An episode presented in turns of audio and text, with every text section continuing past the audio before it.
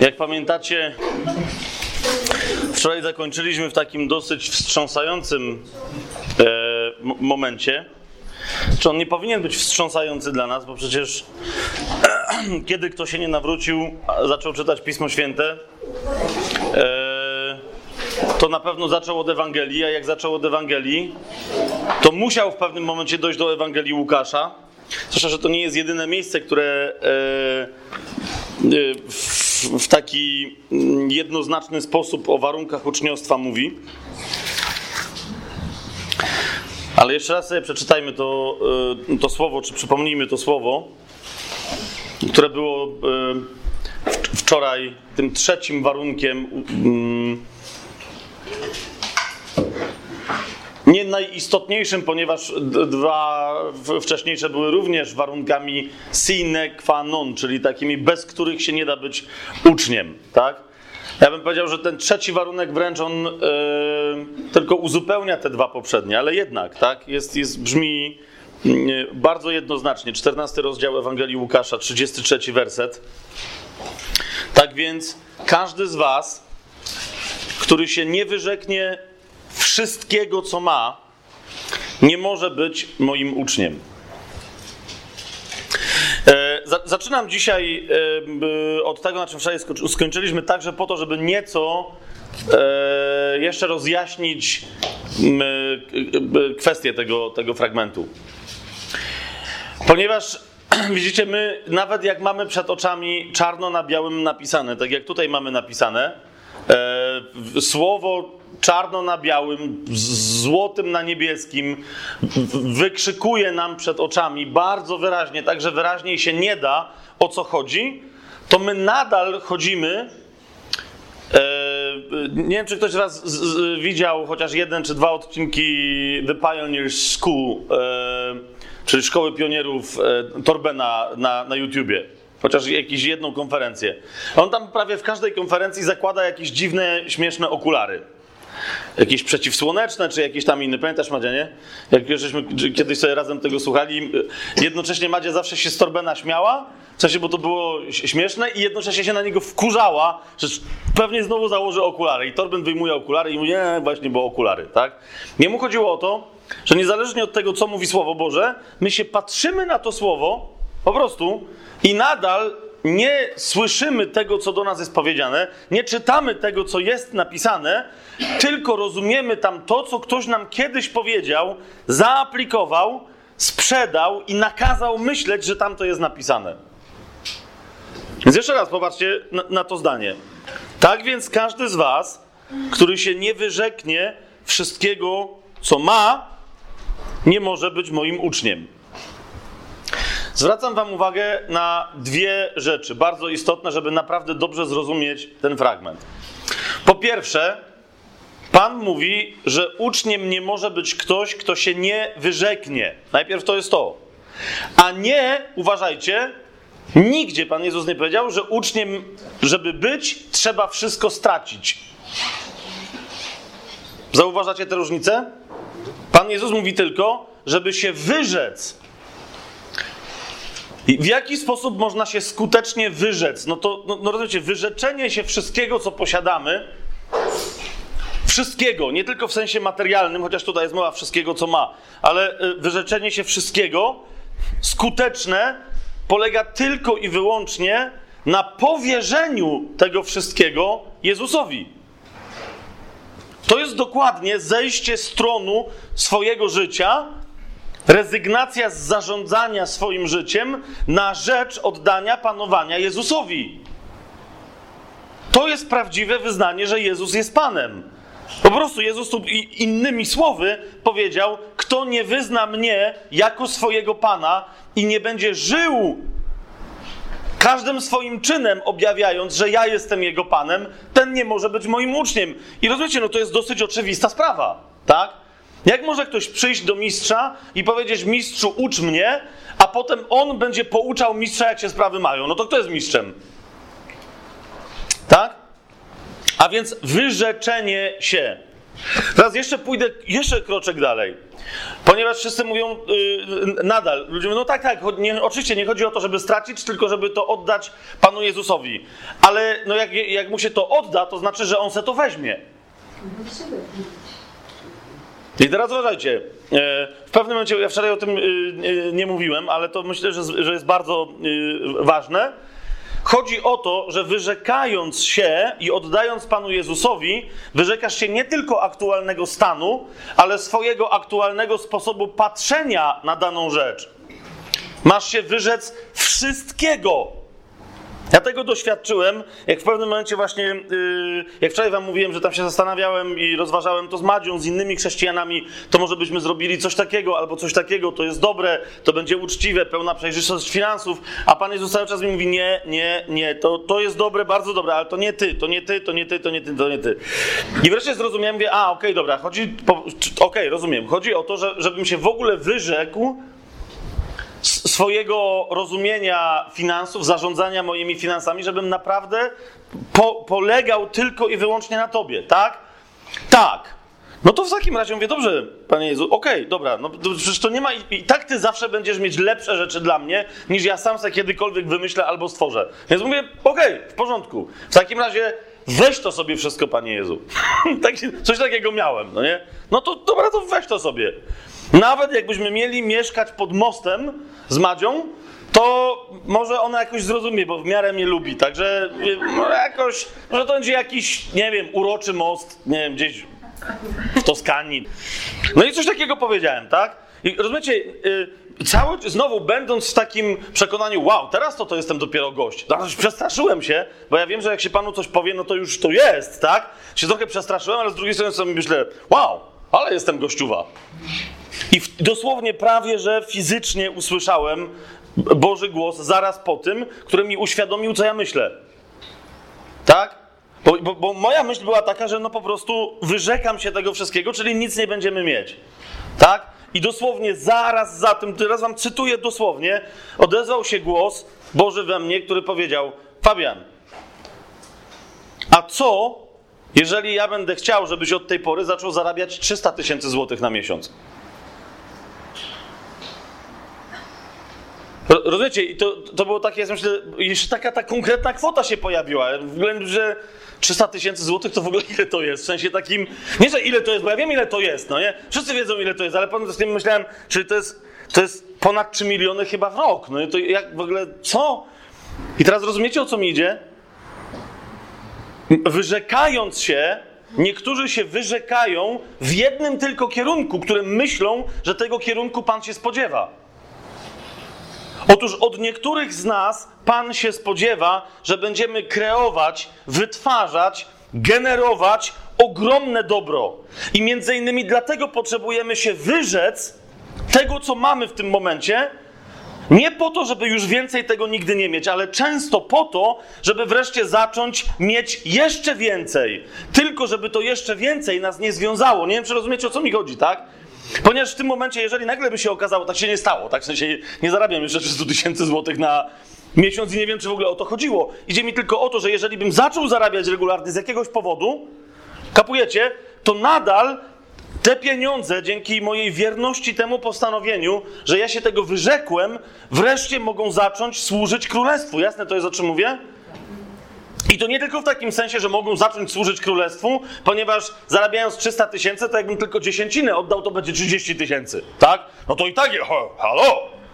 Chodzi mi o to, że ja mogę zarobić 300 tysięcy i pan mi powie, super, te 300 tysięcy jest potrzebne, żeby założyć dom dziecka w Brazylii. I żeby je tam komuś przekazać. Wiecie o co mi idzie, tak? Po prostu, może w Brazylii chrześcijanie nie mają możliwości zarabiania takich pieniędzy, może nie wiem, przelicznik jest dobry. Królestwo panuje nad całą tą nędzą, która się dzieje w tym świecie i naszym zadaniem jest służba w królestwie. Szukajcie wpierw królestwa Bożego i Jego sprawiedliwości, a wszystko inne będzie wam dane, nie dodane. Pamiętajcie, tam jest wyraźnie powiedziane, że wszystko inne będzie wam dane, albo nawet jeszcze inni tłumaczą. Yy, w pewnym sensie, jeżeli to rozumieć po staropolsku jeszcze lepiej, czyli że będzie wam przydane, a więc nie tylko, że będzie wam dane, ale jakby naddane, tak? To jest to. Teraz oczywiście, oczywiście nie chcę, żeby to zabrzmiało jako jakiekolwiek złagodzenie e, surowości tego wersetu. Tak więc każdy z was, który się nie wyrzeknie wszystkiego, co ma, nie może być moim uczniem. Tak? Ponieważ jeszcze raz po powtarzam, może pójść w jedną, może pójść w drugą stronę, a najprawdopodobniej Mówię to wam, z, mówię to wam ja, ja nie, nie, nie mam takiego, wiecie, e, słowa, chociaż jest wiele fragmentów, które by to potwierdzały. Najprawdopodobniej będzie tak, że w, różnych aspektach naszego życia będziemy doświadczać obfitości, a czasem z ubożenia nigdy poniżej pewnej normy, ponieważ Pan nie pozwoli, żeby Jego słudzy d, d, cierpieli, tak? Ponad miarę. Ale chodzi mi o to, że, że, że, że my się mamy spodziewać różnorodności w, w naszym życiu. Tak? Pamiętacie Pawła, który powiada: Wszystko mogę w tym, który mnie umacnia? Czasem nie jakiś taki, chciałem powiedzieć, że święty, ale no nie, on nie jest święty. To jest taki zwyczajny szał mnie ogarnia, jak słyszę, a wyobraźcie sobie, że cały czas słyszę, raz nawet po prostu bezpośrednio słyszałem, kazanie podczas takiego nabożeństwa jak to dzisiaj w niedzielę. Nie powiem w którym zborze, yy, ale Madzia ze mną była, to, to wie. Kazanie na temat tego sformułowania: Wszystko mogę w tym, który mnie umacnia. W życiu, na żadnym szkoleniu New Age'owym nie słyszałem takiego steku bzdur, jak na tym kazaniu na, na temat tego, że wszystko mogę w tym, którym nie. Rozumiecie, o co chodziło w tym kazaniu? Że uświadom sobie, że Bóg mieszka w tobie, a więc ty jesteś w zasadzie prawie Bogiem, w związku z tym wszystko możesz. Wszystko jest możliwe. Cokolwiek tylko sobie nie zamarzysz, jakiekolwiek cele nie postawisz i tak dalej, i tak dalej. Ja teraz nie mówię, że, wiecie o co mi chodzi, że, że nie mamy możliwości, ale jak sobie otworzycie list do Filipian, yy, zerknijmy tam. No to o, o, to mi chodzi, że jak można było y, nie dostrzec, co jest tam wcześniej napisane, tak?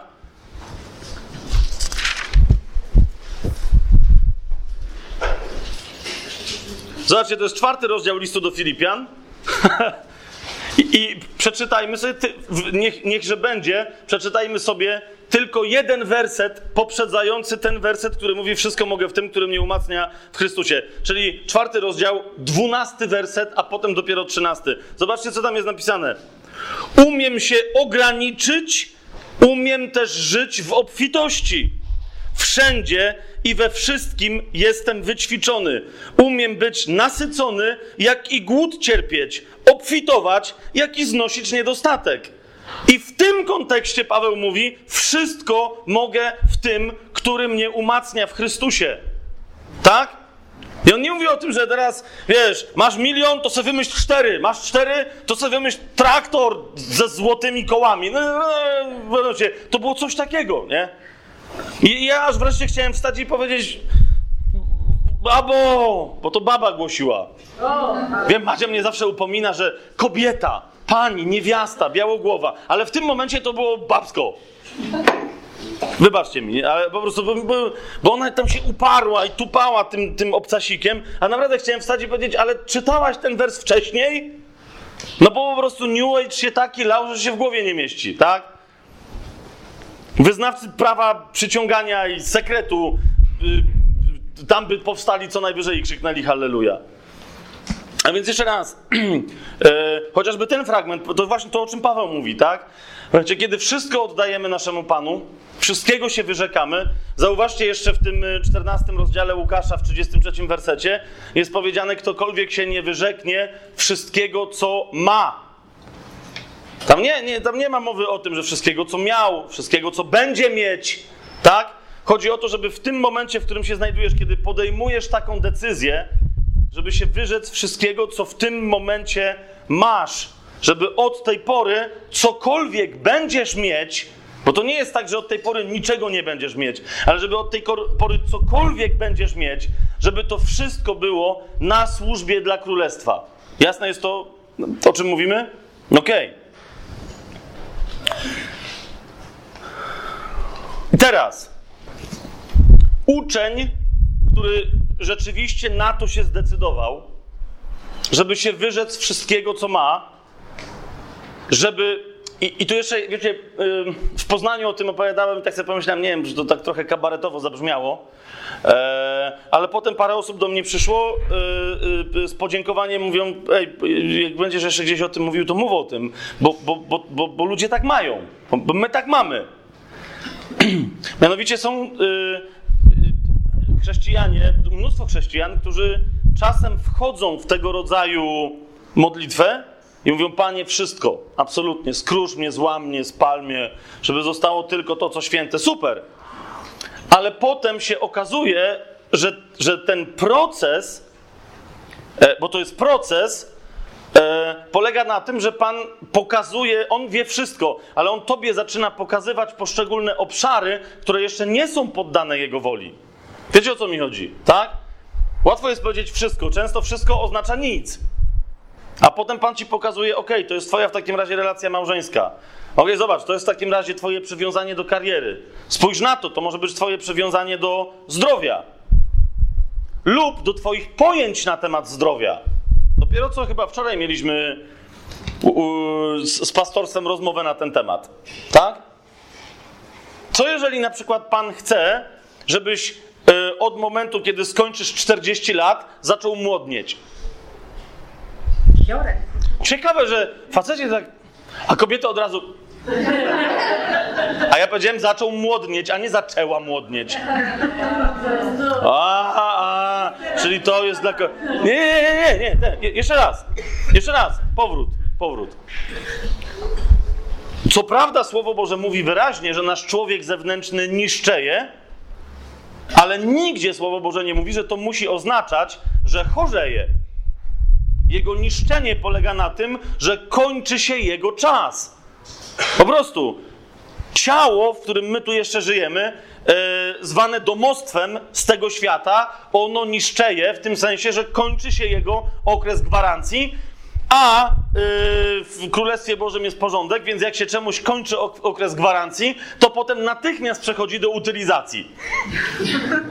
Po prostu, tak? natychmiast, więc, czyli tyle. Między innymi dlatego ludzie, którzy jeszcze nie przyjęli Jezusa, a więc nie wyzwolili się od lęku przed śmiercią, tak naprawdę nie zdają sobie sprawy, że większość swoich działań, jakie w życiu wykonują, to są działania, które wynikają właśnie z lęku przed kończącym się im czasem. Z lęku przed, po angielsku jest to genialne słowo, e, wiecie, jak jest nieprzekraczalny termin, do którego trzeba oddać pracę albo coś. On się nazywa deadline, ok? Czyli jak przekroczysz tę linię, a nie będzie zrobione to, co miało być zrobione, to będziesz dead. Tak? Ale dla ciała istnieje ewidentny deadline. Nieważne, co zrobi to ciało, w momencie, kiedy dojdzie do deadline'u, to i tak będzie dead. Tak? Po, po, po prostu. I, I ludzie próbują za wszelką cenę coś z tym zrobić. Wiecie o tym, że ja się między innymi przez lata zajmowałem.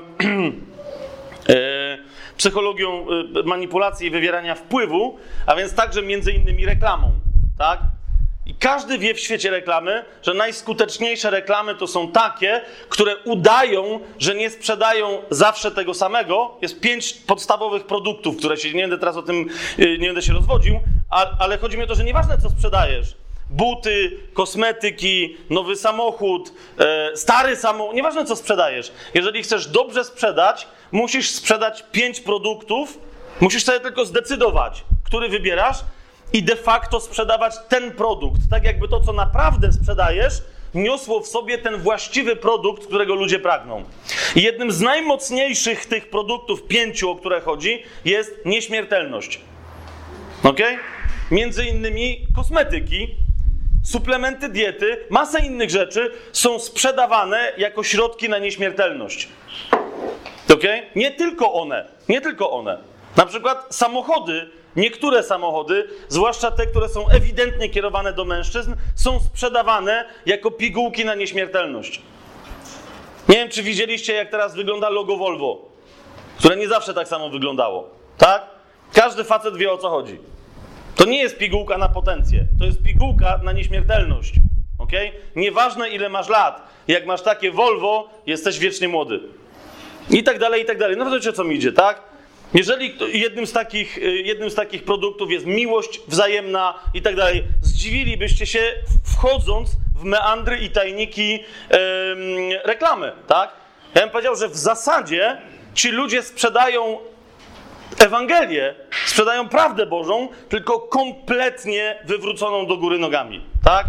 Ponieważ oszukują ludzi, że w tych rzeczach, które sprzedają, są te wartości, których oni szukają, a ich tam nie ma, tak?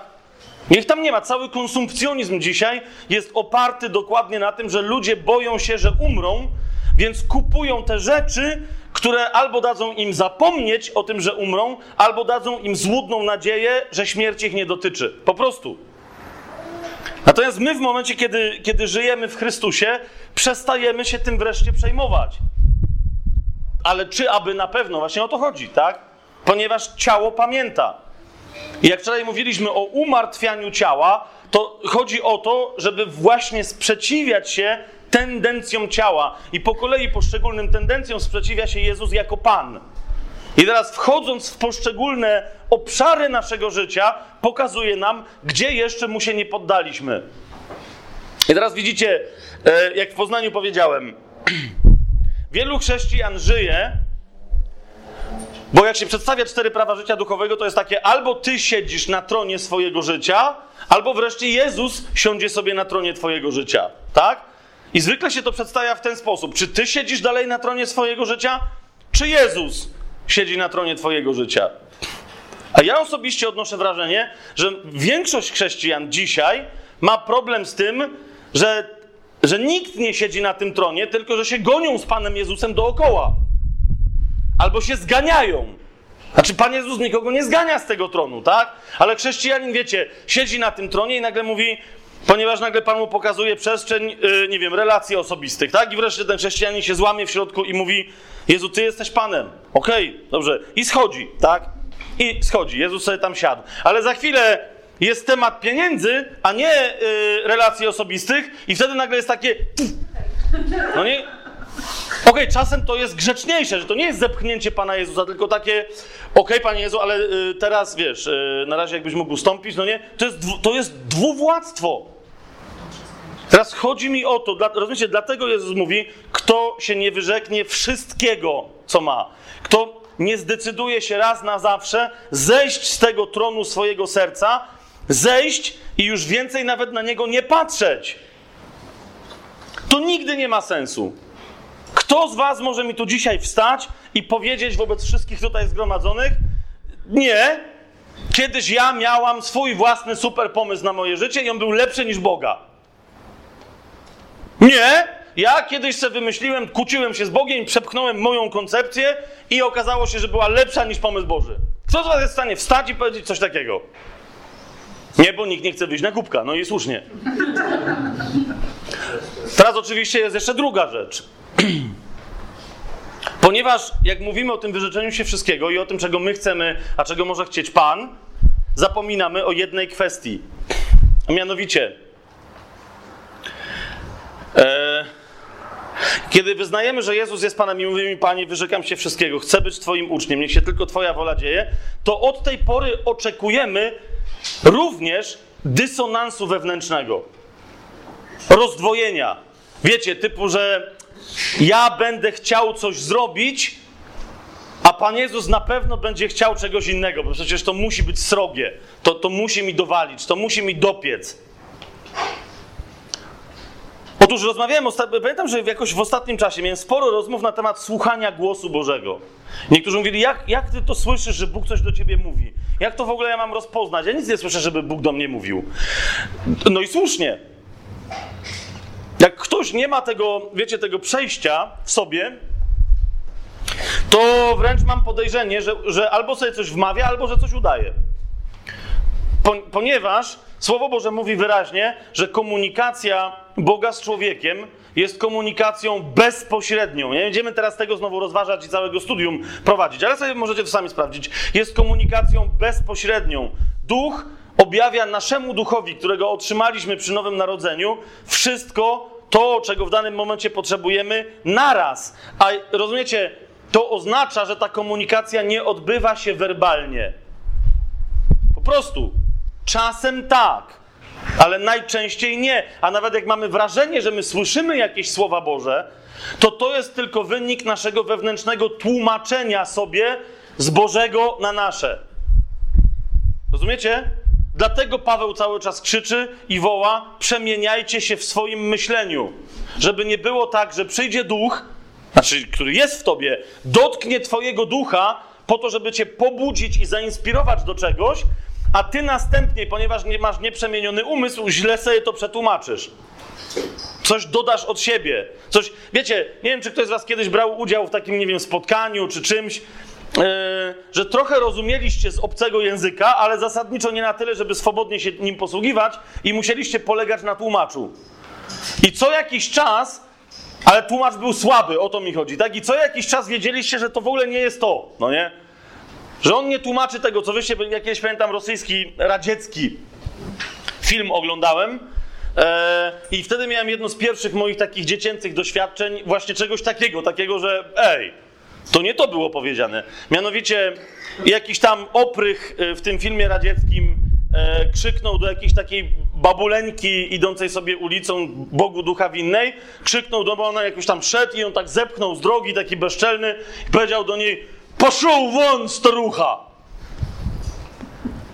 Ale ponieważ to był radziecki film i to był polski film, który też mogły dzieci oglądać, tłumaczenie brzmiało idźcie już babciu.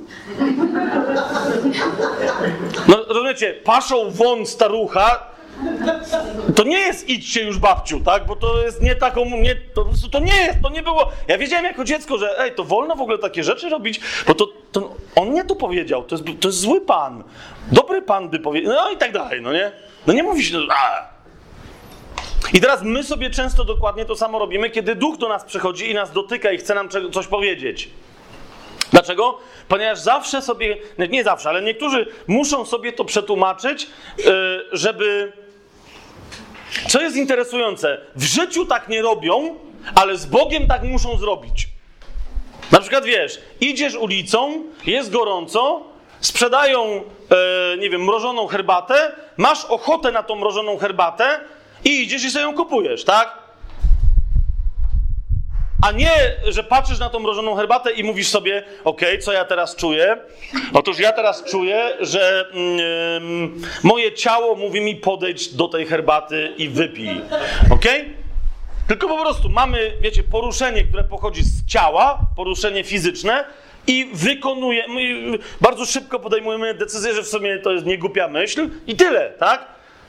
I teraz widzicie, chodzi mi o to, że jeżeli zwyczajne ciało jest w stanie zakomunikować naszej duszy, tak? Gdzie, gdzie między innymi znajdują się wolitywne ośrodki. Jeżeli nasze ciało jest w stanie zakomunikować naszej duszy coś tak szybko i nasza dusza jest w stanie coś zrozumieć tak szybko i idzie za tym działanie, to myślicie, że Bóg jest mniej sprawny w komunikacji? Wręcz przeciwnie, Bóg jest jeszcze bardziej sprawny w komunikacji. W momencie, kiedy przychodzi jego oświecenie tylko tyle, że nie jest takie, ale jest takie. Ale my wtedy zamiast ruszyć, bo jesteśmy niewyćwiczeni w słuchaniu ducha, to zaczynamy sobie tłumaczyć, co to znaczyło. E, I, I, rozumiecie, zamiast instynktownie pójść za tym, a pan dalej ci powie, że okej, okay, dobra, nie do końca chodziło mi o to, żebyś jeszcze przy okazji robił Ministerstwo Nienormalnych Kroków, to, to ci pan potem powie, ale my zamiast ruszać do działania, zaczynamy sobie to tłumaczyć, jakby to przełożyć na język werbalny. Co komu powiedział pan? Wiecie o co mi idzie? Zwróćcie uwagę, najmocniejszy tekst, jaki się znajduje w Biblii, a, ale teraz, że, że, że, ponieważ on jest mocny, a niektórzy jakby go tak usłyszeli, to by go puścili, więc go potem... Kto będzie teraz tym tekstem poruszony, to niech go sobie poszuka, gdzie jest. Tak jakby to jakiś był wielki problem przy, przy istniejącym internecie. Okej. Okay. No ale w każdym razie, sobie niech to będzie chociaż taki wysiłek. Najmocniejszy tekst, jaki mamy w Piśmie Świętym na temat tego, jak mówi Bóg do człowieka, brzmi: To On jest w nas sprawcą i chcenia, i działania zgodnie z Jego wolą. Rozumiecie, co to oznacza? To oznacza, że jeżeli Bóg chce, żebyś coś zrobiła, jeżeli Bóg chce, żebyś coś zrobił i cię chce do czegoś zaprosić, to najpewniejszą rzeczą, że cię do czegoś zaprasza, jest właśnie to, czego normalnie my się boimy, że tego nie będzie. Mianowicie, że w tobie zrodzi się potrzeba, pragnienie, żeby coś zrobić. Rozumiecie, o czym mówię? Bóg nie działa inaczej. Jedyny problem, jaki się pojawia, to jest, kiedy Bóg w nas porusza nas, pobudza w nas jakieś pragnienie, żeby się w coś zaangażować, żeby coś zrobić, żeby coś powiedzieć, żeby gdzieś pójść albo żeby skądś wyjść. I jednocześnie z tym pragnieniem zacznie walczyć w nas pseudopragnienie, które od razu, żeby nie było tam słowa pragnienie, nazwijmy zachcianką. Ok? Czasem bywa tak, że w niektórych z nas, ponieważ przyzwyczailiśmy nasze ciała do rozmaitych dziwnych rzeczy, nasze zachcianki to już nie są, bo wiecie, zachcianka to brzmi tak. Eh. A my niektórzy mamy zachciany. Tak? Niektórzy mają zachcianiory. Niektórzy mają zachciaństwa.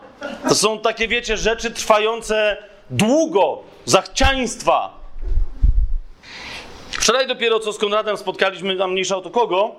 Yy, I nie mówię, że to jest problem tego kogoś, kogo spotkaliśmy wczoraj na ulicy, yy, ale niewątpliwie spotkaliśmy kogoś z grupy ludzi, którzy mają ten problem. Konrad, kto, kto, kto, kto? Zaczekaj. Którzy, którzy są od lat trenowani, dają się trenować, wzbudzają w sobie sztuczny głód posiadania coraz większej ilości pieniędzy. Nie, nie wiem, jak, bo nie, nie mogę więcej powiedzieć, żeby nikogo tam niepotrzebnie nie urazić, ale jednak, tak? I, i, I, za tym idzie cała masa wytłumaczeń i tak dalej, i tak dalej, i tak dalej. Ten głód jest tak, bo już chodzi mi o to, że, że u wielu z tych ludzi on naprawdę posiada wszelkie znamiona irracjonalności, kompletnego szaleństwa. Dlaczego?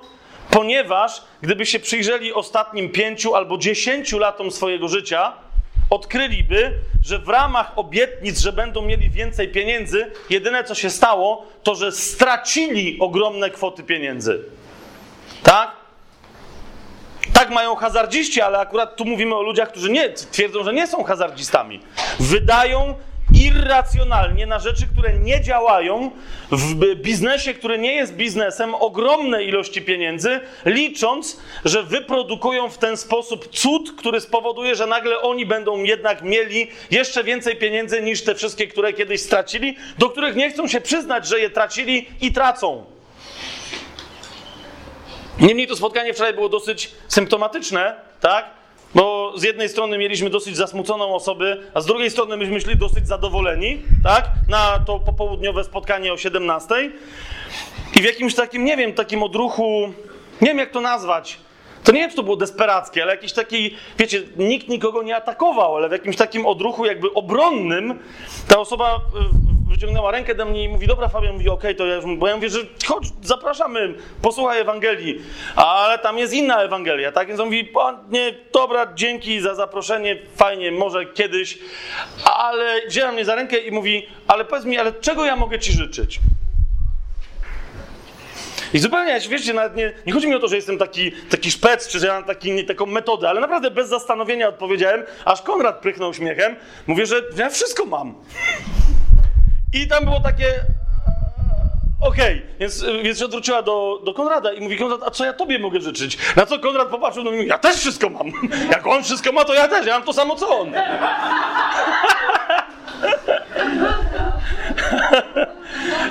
No i rozumiecie, i nagle było takie. E, dopiero co żeśmy rozważali kwestię, że nie może być uczniem ten, kto się wszystkiego nie wyrzeknie, tak?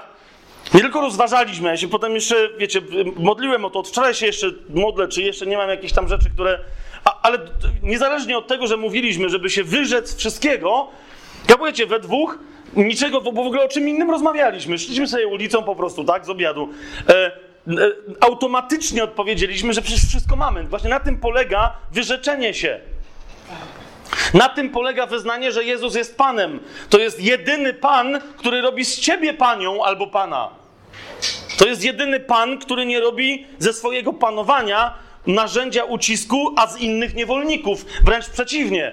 To jest jedyny sposób, żeby przestać być niewolnicą czy niewolnikiem. To jest wyznać tego Pana, który jest, że tak powiem, abolicjonistą i wyzwala niewolników.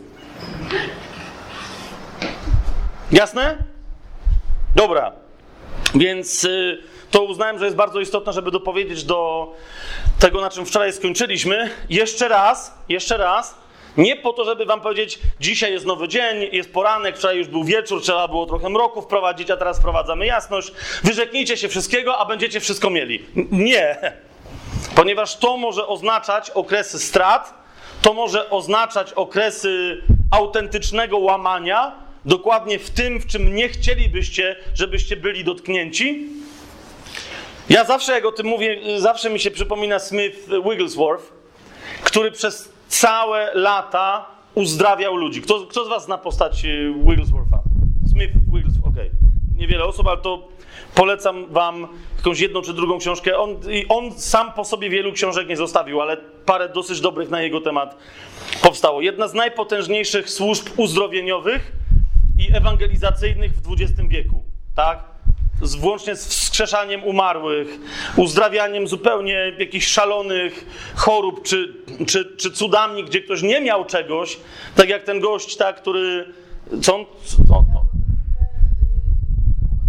nie mógł jeść, miał, miał dziurę, wiecie, w gardle, bo miał jakieś problemy w ustach, problemy w przełyku, miał dziurę w gardle, rurę bezpośrednio prowadzącą do, e, do żołądka, przez którą mógł wlewać sobie tylko i wyłącznie wlewać pokarm, tak? No właśnie, a, a tu się okazało, że ten nawet na niego ręki nie położył, tak? Tylko mając słowo od Pana powiedział mu, dzisiaj jeszcze bracie zjesz kolację, tak?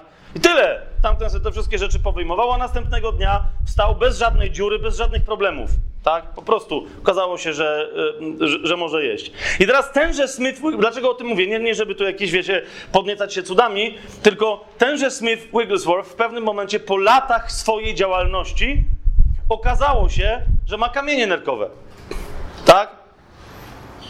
I mimo, że się modli do Pana, żeby, no bo jak to, tyle osób uzdrawiał, dosłownie tysiące osób, tak? Dziesiątki tysięcy uzdrowionych osób mm, z wszelkiego rodzaju chorób, a on w tych kamieniach nerkowych pozostaje.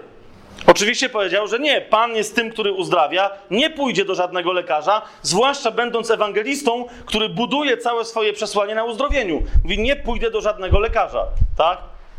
Półtorej roku jego cierpienie się powiększało, nie przestał głosić, ale wiecie, jak mówią świadkowie, a wielu było tych świadków, bywało tak, że w trakcie głoszenia e, ktoś mu przerywał głoszenie Ewangelii, bo okazało się, że miał całe zakrwawione spodnie, tak? Po prostu lała się z niego krew. Bywało tak, że tracił przytomność na scenie z bólu, tak? To mu nie, nie przeszkadzało, żeby głosić dalej, aż dopóki kiedy nie stracił przytomności, no to dopiero go tam cucili, on wstawał, wiecie, nie mniej go to bolało i dalej głosił. I teraz o co mi idzie, tak? Nie tylko, że nie poszedł do lekarza, po półtorej roku tego rodzaju e, walki z sobą, wiecie co powiedział Bogu? Kiedy w zasadzie, ja osobiście mam taką interpretację, że on w zasadzie uznał, że, że może nie być uzdrowiony. Tak? On uznał, że może nie być uzdrowiony. Wiecie co powiedział Bogu? Daj mi jeszcze 15 lat życia. Nie, rozumiecie, on mówi, że ja jestem uzdrowiony, ale jeżeli moje uzdrowienie ma tak wyglądać, to daj mi jeszcze 15 lat życia. I teraz co się wydarzyło? Został uzdrowiony półtorej roku później od tej modlitwy, czyli chyba po trzech latach od początku, jak się te kamienie pojawiły. I, i jak to się stało, ja nawet nie chcę myśleć, ponieważ y, y, Smith Wigglesworth twierdził, że, że wysikał te kamienie, one były tej wielkości, tak? Y, y, gołębiego jajka. I, I, jeszcze czasem chodził z nimi w, słoiku i tam dzwonił ludziom i pokazał, mówi, widzicie, pan uzdrawia. No okej, okay. okej. Okay. Ale Smith Wigglesworth umarł 15 lat od momentu tej swojej modlitwy, kiedy poprosił o jeszcze 15 lat. Z tych 15 lat, półtorej roku, yy, pochodził jeszcze z tymi kamieniami, ale potem 13,5 roku absolutnie e, spokojny, zdrowy, no tyle, że już był staruszkiem, tak? Bo to mu się przydarzyło, on tam ile miał? 60 parę lat, Madzia, nie? Jak, jak, jak miał te kamienie. Yy, ale wiecie o co mi idzie? To był człowiek, który jak powiedział Panu, złam mnie w tym, w czym bym się najmniej spodziewał, a on przez całe życie cieszył się świetnym zdrowiem, tak? To był angielski hydraulik. E, postawny mężczyzna, bardzo, e, bardzo elegancki, tak? Myślał, że Pan go już złamał, ponieważ bardzo wczesnych latach jego małżeństwa e, zmarła jego żona. Tak? Po paru latach tam małżeństwa mieli jakieś tam, ileś tam dwójkę dzieci czy coś takiego i ona zmarła. Tak? I wtedy myślał, że Pan go już dołamał, że jest naprawdę gotowy, żeby przez niego duch e, działał swobodnie. Tak? Wtedy powiedział Panu, mówi, mówi, wiesz, jak bardzo nie chcę być samotny, ale jakbym miał być samotny jeszcze przez parę dziesiąt lat mojego życia, mówi, to dobrze, ale wobec tego mówi, Panie, daj mi dwa razy więcej mocy niż teraz widziałem w mojej posłudze. I nigdy więcej się nie ożenił, a rzeczywiście moc ducha działająca podczas, e, duch Boży działający podczas jego ewangelizacji, wszystko to, co się później działo, było jeszcze potężniejsze niż cokolwiek, niż cokolwiek wcześniej. A jednak Widzicie, w momencie, kiedy doszedł w swoim życiu do, do zrozumienia, ok, już we wszystkim, w czym miałem być złamany, już zostałem, Pan jeszcze zostawił na tam 60 któryś rok jego życia, Pan jeszcze zostawił jeszcze jeden element i uznał Smith, teraz dopiero uważam, że jesteś gotowy, żeby przez coś takiego przejść. Więc jeszcze raz, znowu, nie chcę znowu, żeby to zabrzmiało i żeby wam, was straszył, że na pewno przejdziecie przez jakieś fizyczne problemy, tak? Idzie mi tylko o to, że jeżeli chcecie zacząć naprawdę, chcemy zacząć naprawdę żyć życiem wolnym od jakiegokolwiek lęku, to musimy się zmierzyć właśnie z tymi rzeczami, co do których boimy się, że się będziemy ich bać.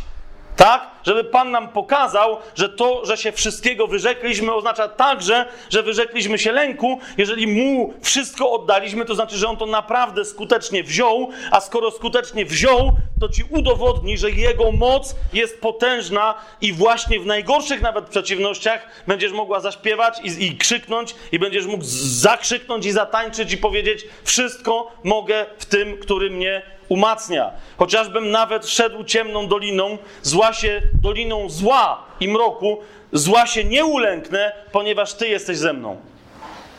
Jasne? Okej. Okay. I druga rzecz, o której chcę Wam, yy, chcę wam powiedzieć. Otóż, yy, jak już ktoś się na to zdecyduje, jeszcze chciałbym, żebyśmy się dzisiaj o to yy, pomodlili, ale żeby wiedzieć jeszcze, jaka jest dalsza perspektywa. Jak się ktoś na to zdecyduje, to jeszcze nie wszystko.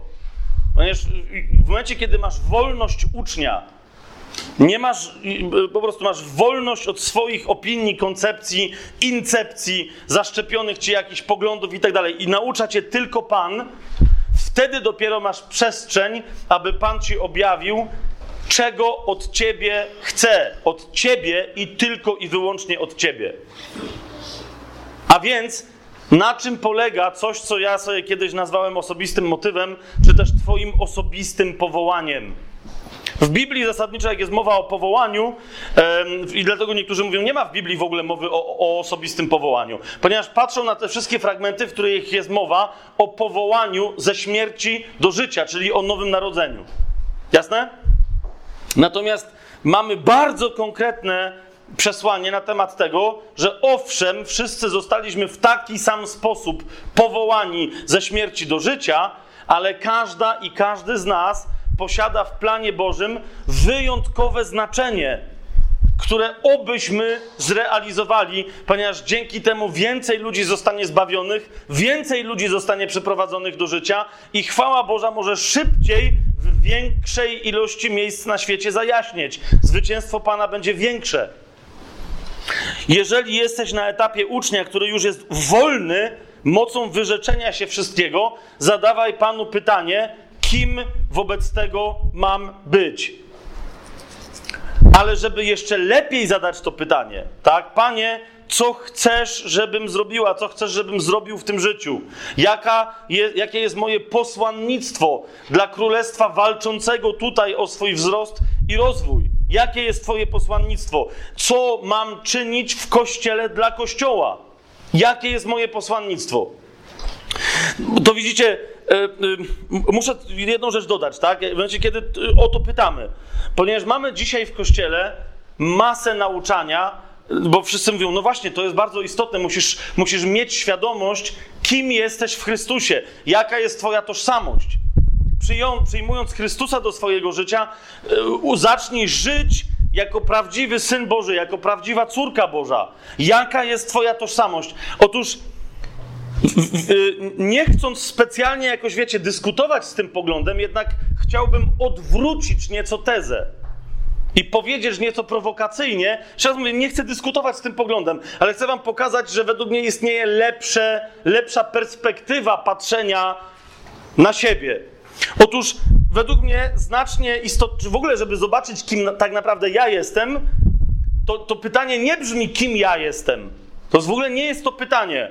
Pytanie nie może, być, nie może być pytaniem o moją tożsamość w Chrystusie. Ale uważajcie, to może na początku brzmieć nieco niezrozumiale, ale to według mnie jest klucz. Pytanie brzmi, jak ma wyglądać tożsamość Chrystusa w tobie. Oj, teraz dobrze, dobrze, teraz wchodzimy na, na nowy y, level, bo popatrzycie na mnie i mówicie, ale zaraz, przecież Chrystus ma jedną tożsamość, Jezus Chrystus ten sam wczoraj, dzisiaj, na wieki. Oczywiście, że tak. Oczywiście, że tak. Ale i Pamiętacie, jak Szaweł, jeszcze dysząc rządzą mordu, szedł do Damaszku, żeby zabijać, sądzić i zabijać chrześcijan? Pamiętacie to? Pojawił mu się na drodze Pan Jezus i co do niego powiedział? Szawle, szawle, czemu mnie prześladujesz? Na co Szaweł, będąc Żydem, a więc mając jeszcze faryzeuszem, mając bardzo precyzyjne myślenie, popatrzył na niego i mówi: Panie, ale ja ciebie nie znam. Ja ciebie nie prześladuję. Później dopiero do Szawła, jako już do Pawła, przyszło to zrozumienie tej nieprawdopodobnej tajemnicy Bożej, która od zawsze była tajemnym planem Bożym. Dlatego ten, ten nasz kanał tak się nazywa, tak? Mianowicie przyszła do niego pojęcie części tajemnicy ciała Chrystusa, a więc Kościoła. Że cały Kościół to jest ta tajemnica, tak? Którym są Żydzi, ale do którego wchodzą także poganie. To jest część tej tajemnicy, że poganie, a więc dziczka oliwna, oliwa kompletnie zdziczała, może być wszczepiona w oliwę hodowaną przez Pana, w krzew oliwny hodowany przez Pana i będzie wydawać owoce. Że poganie mogą wejść i razem z Izraelem żyć w jednym ciele, ponieważ jest to ciało, które jest prawdziwym organizmem, jest ciałem Mesjasza. Ale druga bardzo istotna rzecz jest taka, że Pan, żyjąc we wszystkich członkach swojego ciała, we wszystkich, którzy są Kościołem, jednocześnie żyje jako w swoim Kościele w każdej i w każdym z nas na wyjątkowy, indywidualny sposób. I dlatego Szaweł powiedział: Ja przecież ciebie nie prześladuję, prześladuję konkretnych mężczyzn i konkretne kobiety. Ale zauważcie, co mu Jezus powiedział. W samym tym pytaniu Jezus powiedział: Ja się utożsamiam z każdą kobietą. Ja się utożsamiam z każdym mężczyzną, na których ty już podniosłeś rękę, a teraz znowu chcesz rękę podnieść. I dlatego się ciebie pytam: nie, dlaczego prześladujesz moich ludzi, ale pytam się ciebie zgodnie z prawdą, dlaczego mnie prześladujesz. W Słowie Bożym najpiękniejszy e, najpiękniejszy, w sensie najbardziej mnie poruszający fragment mówiący o tym, że masz swoje osobiste powołanie, znajduje się w Księdze Objawienia. Zerknijcie tam sobie. Jeszcze będziemy mieli trzy, trzy cytaty tylko dzisiaj. To jest jeden z tych trzech i, i, i, i lądujemy. Niemniej to dla niektórych z Was może być dosyć zaskakujące. To jest objawienie Jana. Otwórzcie sobie drugi rozdział.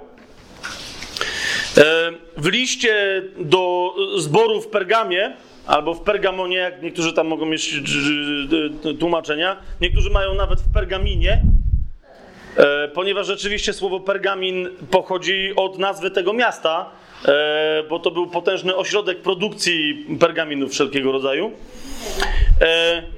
Otóż w tym liście do zboru w Pergamie E, Pan Jezus tam mówi temu zborowi, co tam się ma dziać i tak dalej, i tak dalej, ale w zauważcie, co, co, yy, co mówi w 17 wersecie.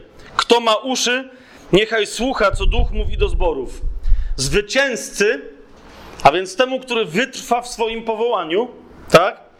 Temu, który dotrwa do końca i okaże się być wiernym sługą, zwycięzcy, Pan Jezus mówi, dam nieco z manny ukrytej, na razie tą manną ukrytą się nie będziemy zajmować, ale zauważcie, co jest nagrodą dla zwycięzcy z drugiej strony. Zwycięzcy dam kamyk biały, a na kamyku tym wypisane nowe imię, którego nikt nie zna, jak tylko ten, który je otrzymuje. Chodzi o to, że jeżeli będziesz żyć w zgodzie ze swoim powołaniem osobistym, nie ogólnym chrześcijańskim, ale także z tym, do czego Pan Cię powołał, w zgodzie, czyli czyniąc te wszystkie dzieła, pamiętacie list do Efezjan, drugi rozdział, tak? Czyniąc te wszystkie dzieła, do których Ojciec Cię stworzył od samego początku, to wówczas realizujesz to, co objawienie nazywa nowym imieniem. Ty masz na imię, ja mam na imię Fabiana, na nazwisko Błaszkiewicz, tak? ale Pan wie, że moje prawdziwe imię brzmi i tak mnie będą nazywać w niebie. Tak?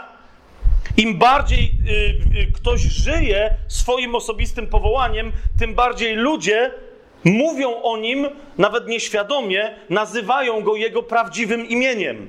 Tak? Książka o Smithie Wigglesworthie, jedna z tych najważniejszych, najmocniejszych, nazywa się Apostoł Wiary. I rzeczywiście, wiecie, niektórzy się śmiali.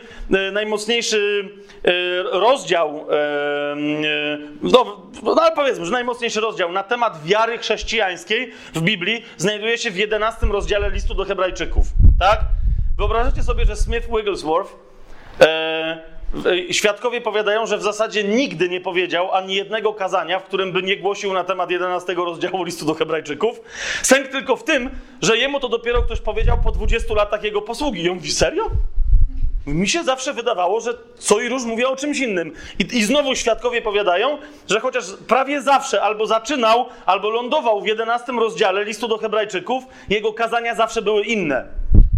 Wiecie o co mi idzie? To było jego powołanie. Budzenie mocą swojego nadprzyrodzonego daru wiary, o którym między innymi pierwszy list do Koryntian mówi, tak? Że, jest, że każdy z nas ma wiarę, a jednocześnie istnieje coś takiego jak nadprzyrodzony dar wiary. To był element jego nowego imienia.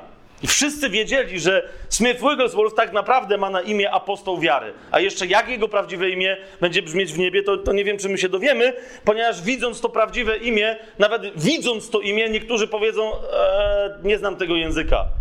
Ponieważ to jest, to jest rodzaj świętego sekretu pomiędzy Twoim stwórcą a Tobą. Teraz uważajcie, postawiłem tezę i teraz sam sobie zaprzeczę. To będzie, to będzie jazda.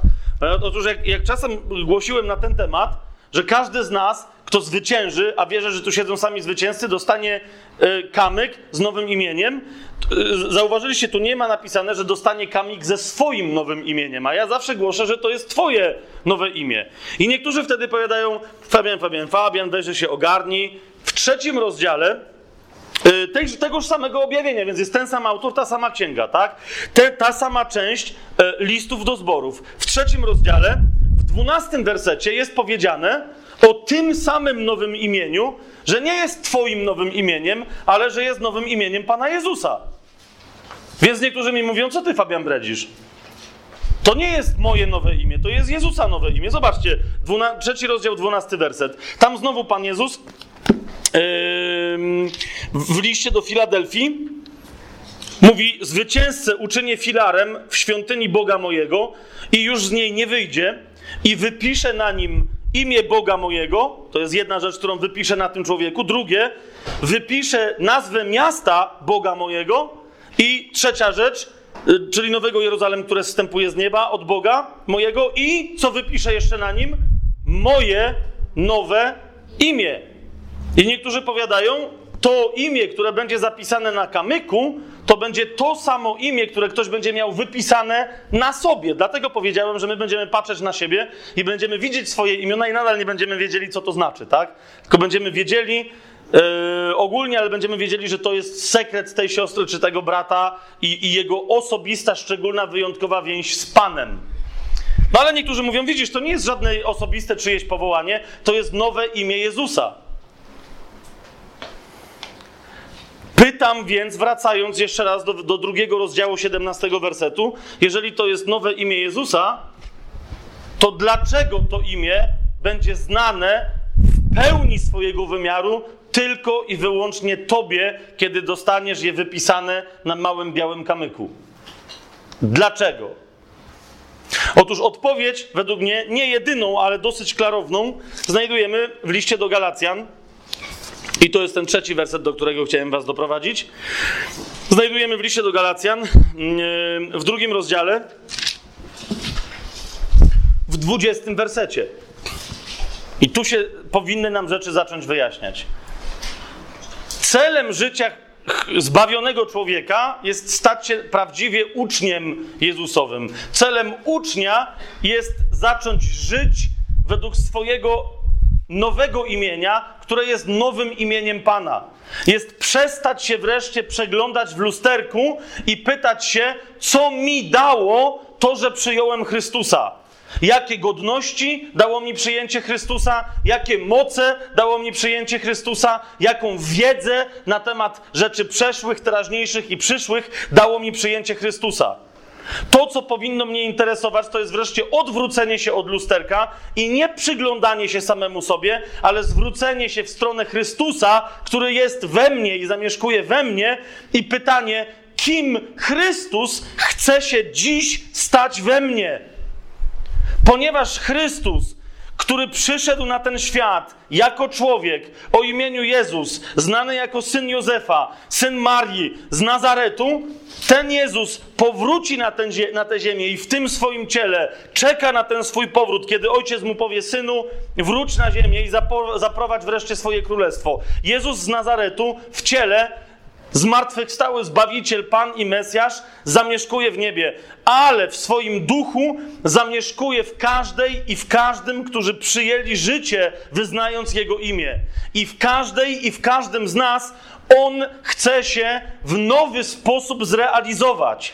Krótko mówiąc, Twoje osobiste powołanie to jest odpowiedź na pytanie, gdyby Jezus przyszedł na świat jako ja, to kim zechciałby być. Czy jest to jasne, o czym mówię? Pytanie tylko nie brzmi rzeczywiście, gdyby Jezus zechciał i tak dalej, ale pytanie brzmi, skoro Jezus zechciał żyć we mnie jako ja, to kim Jezus chce być? Mną będąc. Zobaczcie, co mówi Paweł. Drugi rozdział listu do Galacjan, 20 werset. Z Chrystusem jestem ukrzyżowany.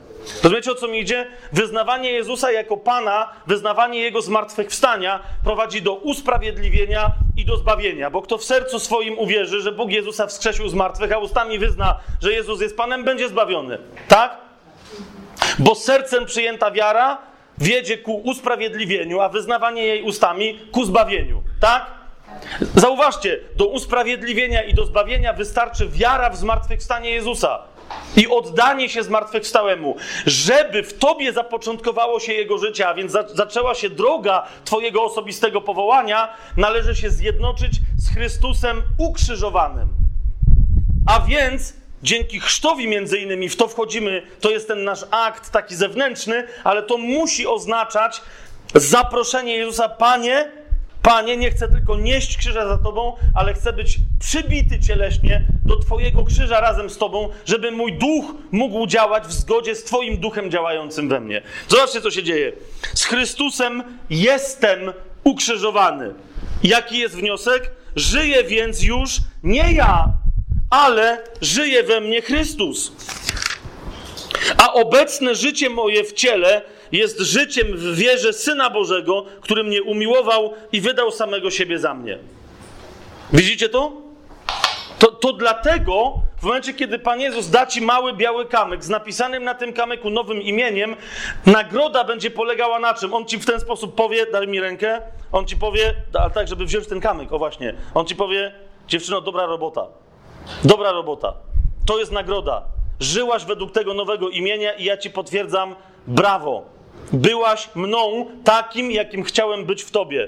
To jest nagroda. Wiecie o co mi idzie? Mały, biały kamyk oznacza władzę sędziowską. Pamiętacie, jak, jak Paweł mówi do Koryntian, mówi, to wy się idziecie do sądów ludzkich, a zapominacie o tym, że wy jesteście przeznaczeni, żeby sądzić aniołów? Mały, biały kamyk oznacza pełnię władzy. To jest ten mały, biały kamyk.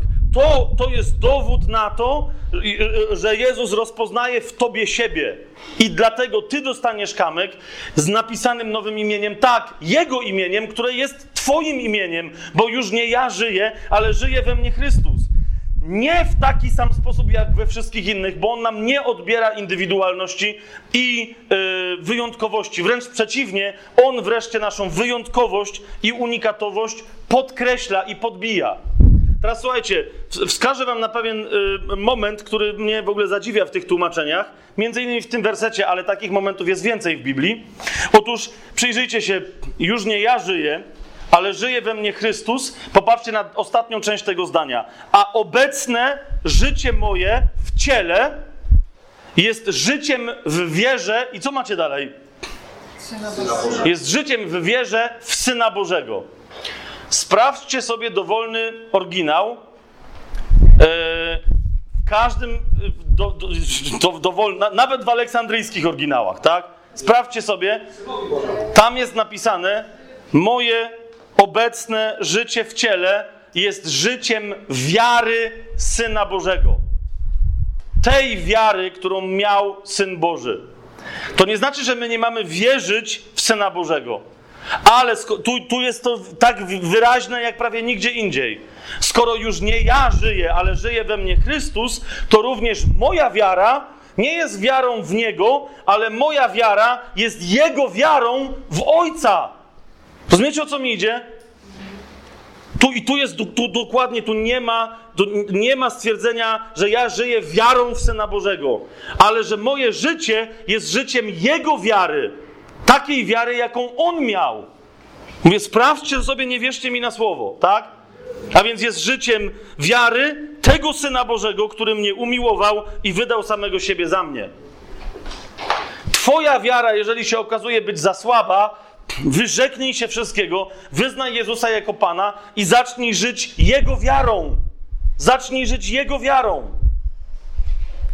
Poczytajcie Ewangelię Jana, gdzie ten temat co i rusz się y, powtarza, bo myślę, że jak Paweł o tym napisał, między innymi do Galacjan, a Jan pisał swoją Ewangelię później niż Paweł pisał listy, to, to Jan między innymi potwierdzał to, o czym pisał Paweł. Ponieważ Jezus u Jana w Ewangelii Janowej, znaczy Jan potwierdza, że Jezus wielokrotnie nauczał, mówi: Jeżeli nawet we mnie nie wierzycie, to wierzcie w tego, w którego ja wierzę. Ponieważ to, co ja robię, wynika z mojej wiary, z mojego zaufania, jakie ja mam wobec Niego, bo On jest moim Ojcem. Sprawdźcie sobie Ewangelię Janową, gdzie tam to widać, tak? Że Jezus tam jest głosicielem zaufania, Jego osobistego zaufania Ojcu. A zatem, a zatem, jeżeli ktoś z Was teraz jest gotowy, żeby rzeczywiście, być, być może to być jakiś kolejny akt, ale widzicie, że potrzebujecie tego aktu. Ktoś z Was widzi, że potrzebuje w sobie takiej modlitwy. Oddania Jezusowi naprawdę wszystkiego pod Jego panowanie, wszystkich obszarów oddania tego, w jaki sposób On zechce przejąć te różne obszary Twojego życia pod swoje panowanie dzisiaj, jutro lub w jakiejś niedalekiej albo dalszej przyszłości. Jeżeli ktoś z Was ma taką potrzebę, to teraz o to się pomódlmy. ok? Jeżeli ktoś was to już, nie wiem, zrobił czy coś takiego, to się wtedy módlcie za innych, którzy, którzy być może teraz się o to pomodlą, tak? Ale jeżeli my, rozumiecie, oczekujemy przebudzenia, powstania Kościoła, objawienia się mocy Kościoła, potrzebujemy ludzi, którzy będą zjednoczeni z Chrystusem. Wtedy wystarczy, że powiedzą: Ojcze, daj nam głosić słowo Twoje z całą odwagą, kiedy Ty sam będziesz wyciągać rękę, żeby dokonywać znaków i cudów w imię Syna Twojego, a Pana naszego Jezusa Chrystusa. Tak? Taka była modlitwa pierwszego kościoła wobec prześladowania. I co się stało? Zatrzęsła się ziemia pod nimi, duch ich wypełnił i dalej głosili z mocą, a cuda działy się w zasadzie nie same, tak? Ale to ojciec się troszczył o to, żeby się działy, a nie kościół się musiał spinać, żeby je wywoływać. A zatem, a zatem żeby się to mogło dziać, my potrzebujemy na, naprawdę te, jedności z naszym Panem, intymności, jakiej nigdy nie mieliśmy jeszcze. Nawet jeżeli mieliśmy jakąś, to jeszcze większej, jeszcze intensywniejszej, jeszcze głębszej intymności.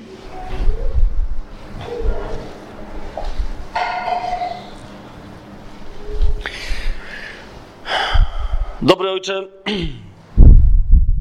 jeśli ktoś z Was, nie wiem, nie, nie ma módl się w swoim sercu, ale jeżeli ktoś e, nie ma tam koncepcji, albo jest, nie wiem, za bardzo poruszony, albo co tam się w środku dzieje, to, to może iść za tym, y, jak ja się będę modlił, tak? Ale ja się nie będę modlił za innych, modlę się teraz za siebie, dobra?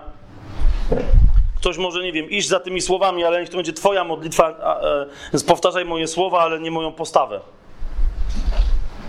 Bo ona jest moja, a Ty masz mieć swoją. Dobry Ojcze, zwracam się do Ciebie teraz e, w Twoim świętym duchu z przekonaniem głębokim, że to, że to Twój duch prowadzi mnie do tej modlitwy i do tego ofiarowania. Jestem Ci bardzo wdzięczny za to, że posłałeś swojego syna aby mnie zbawił. Jestem Ci bardzo wdzięczny za to, że w swojej miłości zdecydowaliście o tym. Jestem Ci wdzięczny, Panie Jezu, za to, że Ty przyszedłeś na ten świat. Oddałeś swoje życie zamiast mnie. Wziąłeś mnie na siebie, wziąłeś cały mój grzech na siebie, stałeś się nim, przybiłeś ten grzech do krzyża, cały mój zapis dłużny i, i, że, i, i że on zniknął, już go nie ma. Może jeszcze być w pamięci mojego ciała, ale ty już nie pamiętasz o moim grzechu. Ty tylko widzisz całe to światło, całe to życie, do którego mnie stworzyłeś. Więc dziękuję Ci za to dzieło.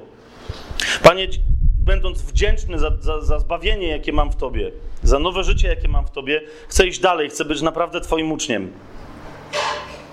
A, a zatem jeżeli Ty mówisz, Panie, że nie mogę być Twoim uczniem, nie wyrzekł się wszystkiego, to dzisiaj do, właśnie dokładnie to czynię. Nawet jeżeli wcześniej to już jakkolwiek uczyniłem, to jeszcze raz dzisiaj, Panie, mówię Ci, e, przyjmij to moje ofiarowanie, to moje wyrzeczenie się wszystkiego, co mam, nie według mojego rozumienia tego, co teraz mówię, ale, ale, ale przyjmij to, Panie, tak, żeby to było całkowicie zgodne z Twoją wolą. Wyrzekam się dzisiaj, Panie, wszystkiego ze względu na miłość do Ciebie, ze względu na to, że chcę być Twoim uczniem, chcę być Twoim sługą, jakkolwiek nieużytecznym. Chcę być Twoim sługą, bo i tak niczego lepszego niż bycie Twoim użytecznym, nieużytecznym sługą na tym świecie, niczego lepszego nie ma. Poza tym wiem, Panie, że Ty także do mnie powiedziałeś, już nie nazywam Cię sługą, sługą ale nazywam Cię przyjacielem, a więc wiem, Panie, wiem, Panie, że znajduję się i tak w znacznie lepszej sytuacji niż jakikolwiek sługa gdziekolwiek na świecie. Dzisiaj, Panie, wyrzekam się wszystkiego. Aby być Twoim uczniem, nazywam Ciebie moim Zbawicielem, Jezu. Ogłaszam jeszcze raz w swoim życiu i cały czas będę to ogłaszać. I oby nie były tylko to słowa, ale też czyny. Ogłaszam Ciebie moim Panem. I dzisiaj też mówię Ci, Panie, jesteś moim mistrzem, jesteś moim nauczycielem. Ucz mnie, za każdym razem, kiedy będę się ośmielać Ciebie pouczać, przy, Panie, proszę Cię, przypomnij mi, kto tu jest mistrzem. Pokaż mi to natychmiast, żebym już nie tracił ani chwili w swoim życiu na jakieś głupie lekcje, co do których mnie się mogłoby wydawać, że, że, że, powinienem komuś ich udzielać. Nie, chcę się tylko i wyłącznie od Ciebie uczyć, a jeżeli mam innych uczyć, to tylko tego, co widzę u Ciebie.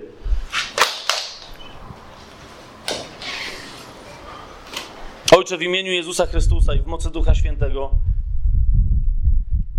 proszę Cię, spraw, żebym od tej pory mógł żyć przybity razem z moim Panem do krzyża. Żebym naprawdę mógł razem z Pawłem zawołać: Już nie ja żyję, ale żyje we mnie Chrystus. Żebym mógł razem z Pawłem wyznać przed Tobą: Ojcze, zobacz, już nie ja żyję, ale żyje we mnie Chrystus. Przemień moją wiarę w wiarę Twojego syna, tego, który za mnie umarł, który dla mnie zmartwychwstał, który mnie tak bardzo umiłował.